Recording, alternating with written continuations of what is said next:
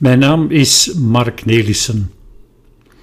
Met deze podcast wil ik u laten kennismaken met mijn laatste boek, De Standaardwaarde van de Mens, de eeuwige strijd met onze oeroude genen. Als je een telefoon koopt en het doosje opent, heb je een toestel vast zoals het in de fabriek is samengesteld en voorgeprogrammeerd. Het ding heeft nog zijn fabrieksinstellingen, zijn standaardwaarden. Jij kan beginnen deze waarden in je telefoon te veranderen. Je kiest een ander beginscherm, je stelt je eigen taal in, je tijdzone, je voegt er massa's andere programma's aan toe, enzovoort. Je zet het toestel naar je hand en je verandert voortdurend de fabrieksinstelling van het ding. In mijn boek De Standaardwaarde van de Mens beschrijf ik hoe ook wij een fabrieksinstelling hebben, een standaardwaarde, en dat die de laatste duizenden jaren veranderd is.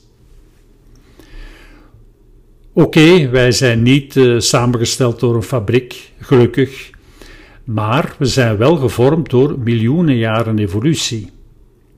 De evolutie is een beetje de fabriek die ons heeft gemaakt wij zijn ontstaan uit onze voorouders die leefden in Afrika en die voorouders hebben gedurende honderdduizenden jaren zich goed aangepast aan hun omgeving, ook aan hun sociale omgeving.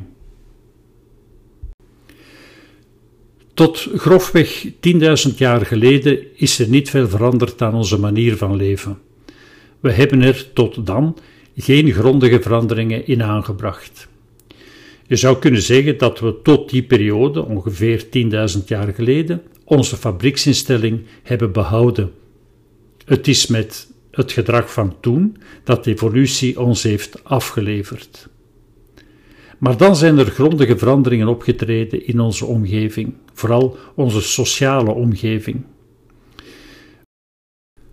We gingen steeds minder jagen of voedsel zoeken in de omgeving en in plaats daarvan zijn we gestart met de landbouw. We kweekten zelf de planten en de dieren die we wilden eten, en dat ging gepaard met veel grotere samenlevingen van mensen. Bijvoorbeeld, ze gingen met duizenden in steden wonen. Tegelijk met dit alles groeide onze cultuur al enkele tienduizenden jaren. Dat was toen begonnen. Die ontwikkeling kwam nu in een stroomversnelling. We ontplooiden techniek en later wetenschappen en geneeskunde en democratie en noem maar op. Onze samenleving en onze omgeving veranderden aanzienlijk. Maar wat niet veranderde waren onze genen, onze overgeërfde informaties die zegden hoe we ons moesten gedragen. Onze genen bleven ons gewoon in dezelfde richting duwen om ons doen en laten te bepalen ook al klopte dat niet meer met onze omgeving. Laat me dat eens vereenduidelijken met een voorbeeld. Onze voorkeur voor zoet en vet eten. Dat was vroeger erg belangrijk, omdat het niet veel voorkwam, maar wel erg belangrijk was voor de voorziening van onze energie. Als je honderdduizend jaar geleden een zoet stuk fruit vond, of een vet stuk vlees, dan moest je dat meteen opeten. Straks was het er misschien niet meer. Degenen die zorgden voor dit gedrag zitten nog altijd onveranderd in ons lichaam. En dus blijven we dat doen. Zien we een taartje liggen bij de bakker, dan zegt onze standaardinstelling: nu opeten. Die genen weten niet dat er ontelbaar veel taartjes en frietjes en hamburgers en noem maar op te vinden zijn. Nu, en straks en morgen. Dus we eten er te veel van en worden veel te dik. Onze omgeving is dus niet meer aangepast aan onze standaardwaarden. Dat geldt niet alleen voor zoet en vet eten, maar voor erg veel elementen in ons leven. Een ander voorbeeld: we leven niet meer samen in vaste groepen, clubs of stammen van enkele tientallen mensen, zoals in het verre verleden. We leven nu in dorpen, steden, landen en we zien elke dag op het televisiescherm mensen van aan de andere kant van de wereld. Maar Onze genen willen nog altijd dat we doen alsof we in een stam wonen. Het afwijken van die standaardwaarde kan nu en dan leiden tot problemen, groot en klein. We doen dingen die vandaag niet meer kloppen en het rare is dat we ons er niet van bewust zijn. We weten het niet eens. Tot je er een boek over leest, natuurlijk. En dat is de bedoeling van het boek De Standaardwaarde van de Mens. Ik behandel enkele thema's in verband met ons gedrag, waarvan het nuttig is te weten wat de standaardwaarde ervan is en hoe we er vandaag van afwijken. De kennis van deze dingen kan ons helpen, kan nu en dan een beetje pijn wegnemen. Het kan ons ons gedrag beter leren kennen en begrijpen en ons zelfs een beter gemoed geven. Een eerste thema dat aan bod komt handelt over status, de plaats die we innemen in de samenleving. Het gebeurt dat we ons in een gesprek niet echt gemakkelijk voelen, dat we ons wat generen om te praten met de mensen die voor ons staan. We weten dan niet waarom we ons niet gemakkelijk voelen. En bij sommigen kan dat zo ver gaan dat ze gewoon alle contacten met anderen vermijden. En dat hoeft helemaal niet. Wanneer we dat ongemak voelen, worden we, totaal onbewust, geconfronteerd met onze status, onze plaats in de maatschappelijke rangorde. En, weer zonder het te weten, kijken we iets te veel op naar onze gesprekspartners en vinden we dat ze een hogere plaats, een hogere status hebben dan wij. Zoals ik al zei, dit kan grote problemen met zich brengen bij sommige mensen en dat hoeft dus niet. In het boek wordt uitgelegd hoe we dat gemakkelijk kunnen omzeilen en ik geef enkele simpele trucjes waardoor je je niet langer de mindere van de andere moet voelen. We doen gewoon beroep op de kennis van onze standaardwaarden. En ja, we voelen ons dan stukken beter. Een lastiger probleem dan je wat minder dan een ander voelen is seksuele jaloezie. Daar gebeuren zelfs moorden voor.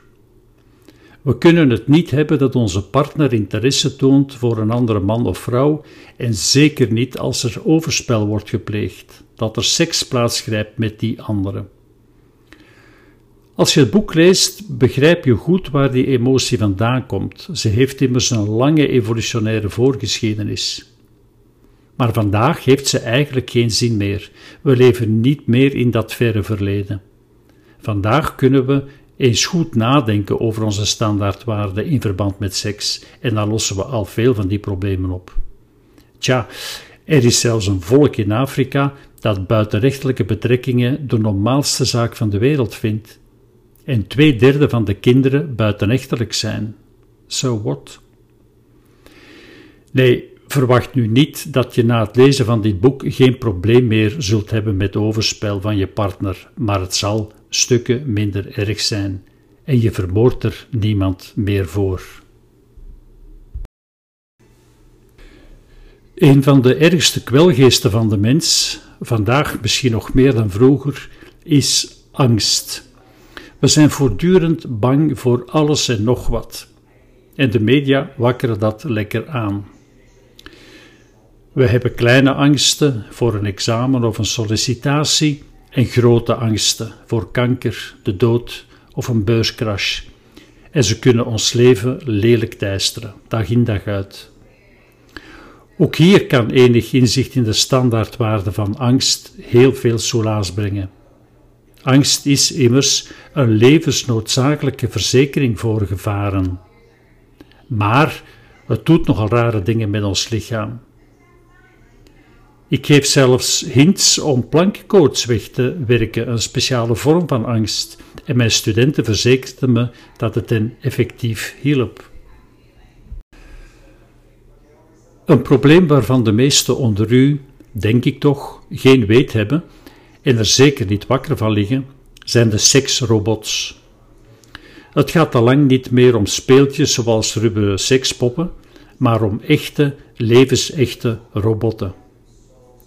Eerlijk gezegd, ik heb er geen ervaring mee, maar er is leerzame literatuur over en nu dus ook in mijn boek. Vooral mannen zijn geïnteresseerd in dit speelgoed. De siliconen dames worden in hun computerbrein aangestuurd door bijzonder ingewikkelde programma's. Die worden samengesteld op basis van artificiële intelligentie. En die maakt dus van de robots enorm verleidelijke sekspartners. Zo verleidelijk dat mannen steeds meer geneigd zullen zijn om hun ding te zoeken bij de robots in plaats van de levensechte vrouwen. Daar zijn mooie verklaringen voor te vinden in de rijke wereld van onze standaardwaarden. Nu, is dat een probleem? Wellicht wel. Het is niet uitgesloten dat het geboortecijfer aanzienlijk zal dalen door het succes van die robots. En dat is natuurlijk niet zo'n groot probleem, maar ook de relaties binnen koppels zouden aangetast kunnen worden door het ultramoderne speelgoed. Het volgende hoofdstuk begin ik met te zeggen dat ik me soms behoorlijk boos maak wanneer mensen omwille van een of andere ideologische stelling de wetenschap gewoon opzij zetten. Je moet die wetenschappers niet geloven. Een mooi voorbeeld daarvan vinden we in de alom aanwezige discussie en stellingname omtrent gender. Steeds meer mensen veranderen van geslacht omdat ze zich niet thuis voelen in hun lichaam. Ze vechten met hun gender. Daar heb ik geen probleem mee, echt niet. Dat is niet het onderwerp van dit hoofdstuk. Ieder doet met zijn of haar lichaam wat hij wil. Maar mijn haren komen overeind wanneer ik de stelling hoor verdedigen dat de gender bepaald wordt door opvoeding, door cultuur, en dat het niet in je genen of in je biologie zit. Met de term gender bedoelt men in feite hoe je jezelf voelt qua geslacht. Dat is wat kort door de bocht, maar daar komt het grosso modo op neer. Laat me het eenmaal duidelijk zeggen. Er is meer dan genoeg wetenschappelijke grondslag om te weten dat die gender grotendeels bepaald wordt door genen. Dat je jongens niet kan dwingen om met meisjes speelgoed te spelen en omgekeerd. Ik geef zelfs een mooi voorbeeld van chimpansees. Bij die mensapen zien we al dat kinderen het speelgoed aan hun geslacht aanpassen. Laat mensen zijn wie ze willen zijn. Dwing niemand in een andere seksuele rol en probeer niet steeds de fundamentele verschillen tussen man en vrouw te ontkennen. Als uitsmijter in dit hoofdstuk gebruik ik onze standaardwaarden om het discussiepunt rond het al dan niet bestaan van het glazen plafond te bekijken. En vrees niet, vrouwen komen er beter uit dan mannen.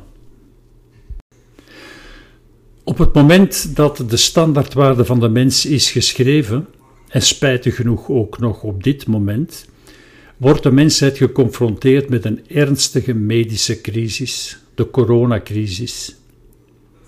Een virus verspreidt zich razendsnel over de hele wereld en heeft steeds meer doden op zijn geweten, voor zover een virus een geweten heeft natuurlijk. Wij zijn, zoals in het begin gezegd, al duizenden jaren bezig onze samenleving om te vormen. Ze verschilt steeds meer van ons verre evolutionaire verleden. Het is daarom dat we ons nu bezighouden met onze standaardwaarden. Maar de coronacrisis doet hier nog een aardig schepje bovenop. Om de kans op besmetting te verkleinen wordt ons gevraagd, of verplicht, om een mondkapje te dragen, om geen handen te schudden, om afstand van elkaar te houden, om zoveel mogelijk thuis te blijven. We mogen elkaar niet meer knuffelen. Dat heeft grote gevolgen voor ons. Wij zijn immers de meest sociale diersoort. Ik heb dat uitvoerig behandeld in mijn boek De Club van Ik. We hebben er geen idee van hoezeer we onze medemensen, onze groepsgenoten zeg maar, nodig hebben. We beseffen niet hoezeer ons brein ononderbroken alle doen en laten van andere mensen observeert en analyseert. Als je die andere mensen wegneemt, werkt ons brein in het luchtledige en gaat het stilaan kapot. Net zoals een, een microwave die je zonder inhoud laat werken. Mensen kunnen hier ziek van worden, zeker de senioren. Senioren worden al geconfronteerd met eenzaamheid. En nu komt die crisis er nog eens bovenop. Sommigen zullen er zelfs vervroegd aan sterven. Ze zijn dan ontsnapt aan het virus, maar niet aan de eenzaamheid. In deze crisisperiode kunnen we ontzettend veel leren uit onze standaardwaarden. Wat is geluk? Domme vraag, zegt u. Dat weet toch iedereen? Dus opnieuw, wat is geluk? En ik hoor geen antwoord. En toch is het een hot item, altijd geweest. Iedereen streeft geluk na. Het recht op geluk staat zelfs neergepend in de mensenrechten. Dat denk ik toch. En toch kan je geen dichte omschrijving of definitie ervan geven. Het is gemakkelijker om gelukkig zijn te vatten. Je weet of je gelukkig bent of niet. Maar hoe vaag het begrip ook is, je kan er toch iets over zeggen vanuit onze visie op de standaardwaarden. Ik maak het even nog erger. Je kan geluk niet alleen niet omschrijven, het bestaat zelfs niet.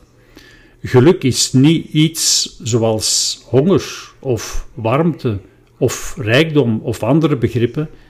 Je kan niet vatten. En het is zeer persoonlijk. Als ik mijn evolutionaire pet opzet, bekijk ik dit begrip als een worteltje aan een stok. Je loopt achter het worteltje om je toestand te verbeteren. En dat is meteen een spoiler voor dit hoofdstuk. Ons streven naar meer geluk zorgt ervoor dat we gezonder worden, socialer en andere dingen die goed zijn voor ons. Daarom mogen we ons niet blind staren op dat zoeken naar geluk. Als je denkt het niet te vinden, mag dat geen obsessie worden. Het streven naar geluk is belangrijker. Het is genoeg. Er wordt in dit hoofdstuk ook nog aandacht besteed aan het nut van verdriet en de functie van een dipje of zelfs van een depressie, maar u leest het allemaal zelf wel. Waarom zouden we bij de zoektocht naar onze standaardwaarden grote vragen ontwijken? Bestaat God? Wat is moraal? En heb je daar een godsdienst voor nodig? Welke houding kunnen we aannemen als we over het moeilijke onderwerp van euthanasie spreken?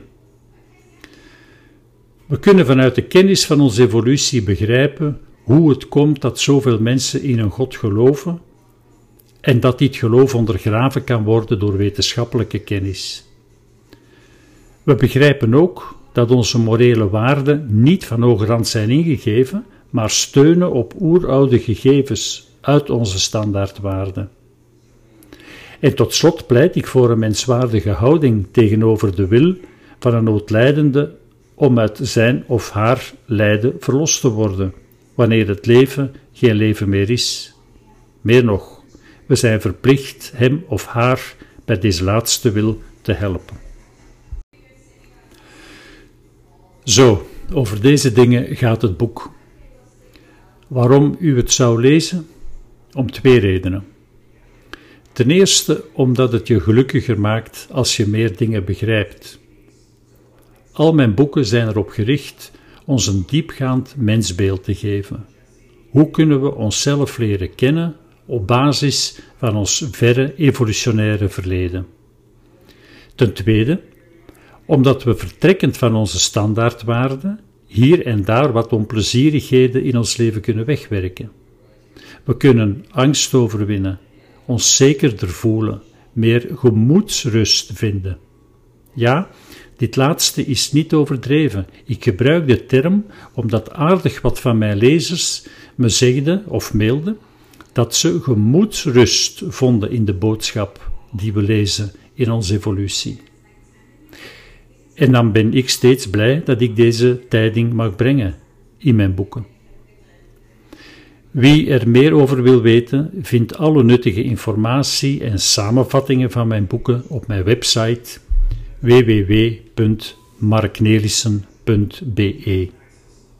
Tot een volgende keer.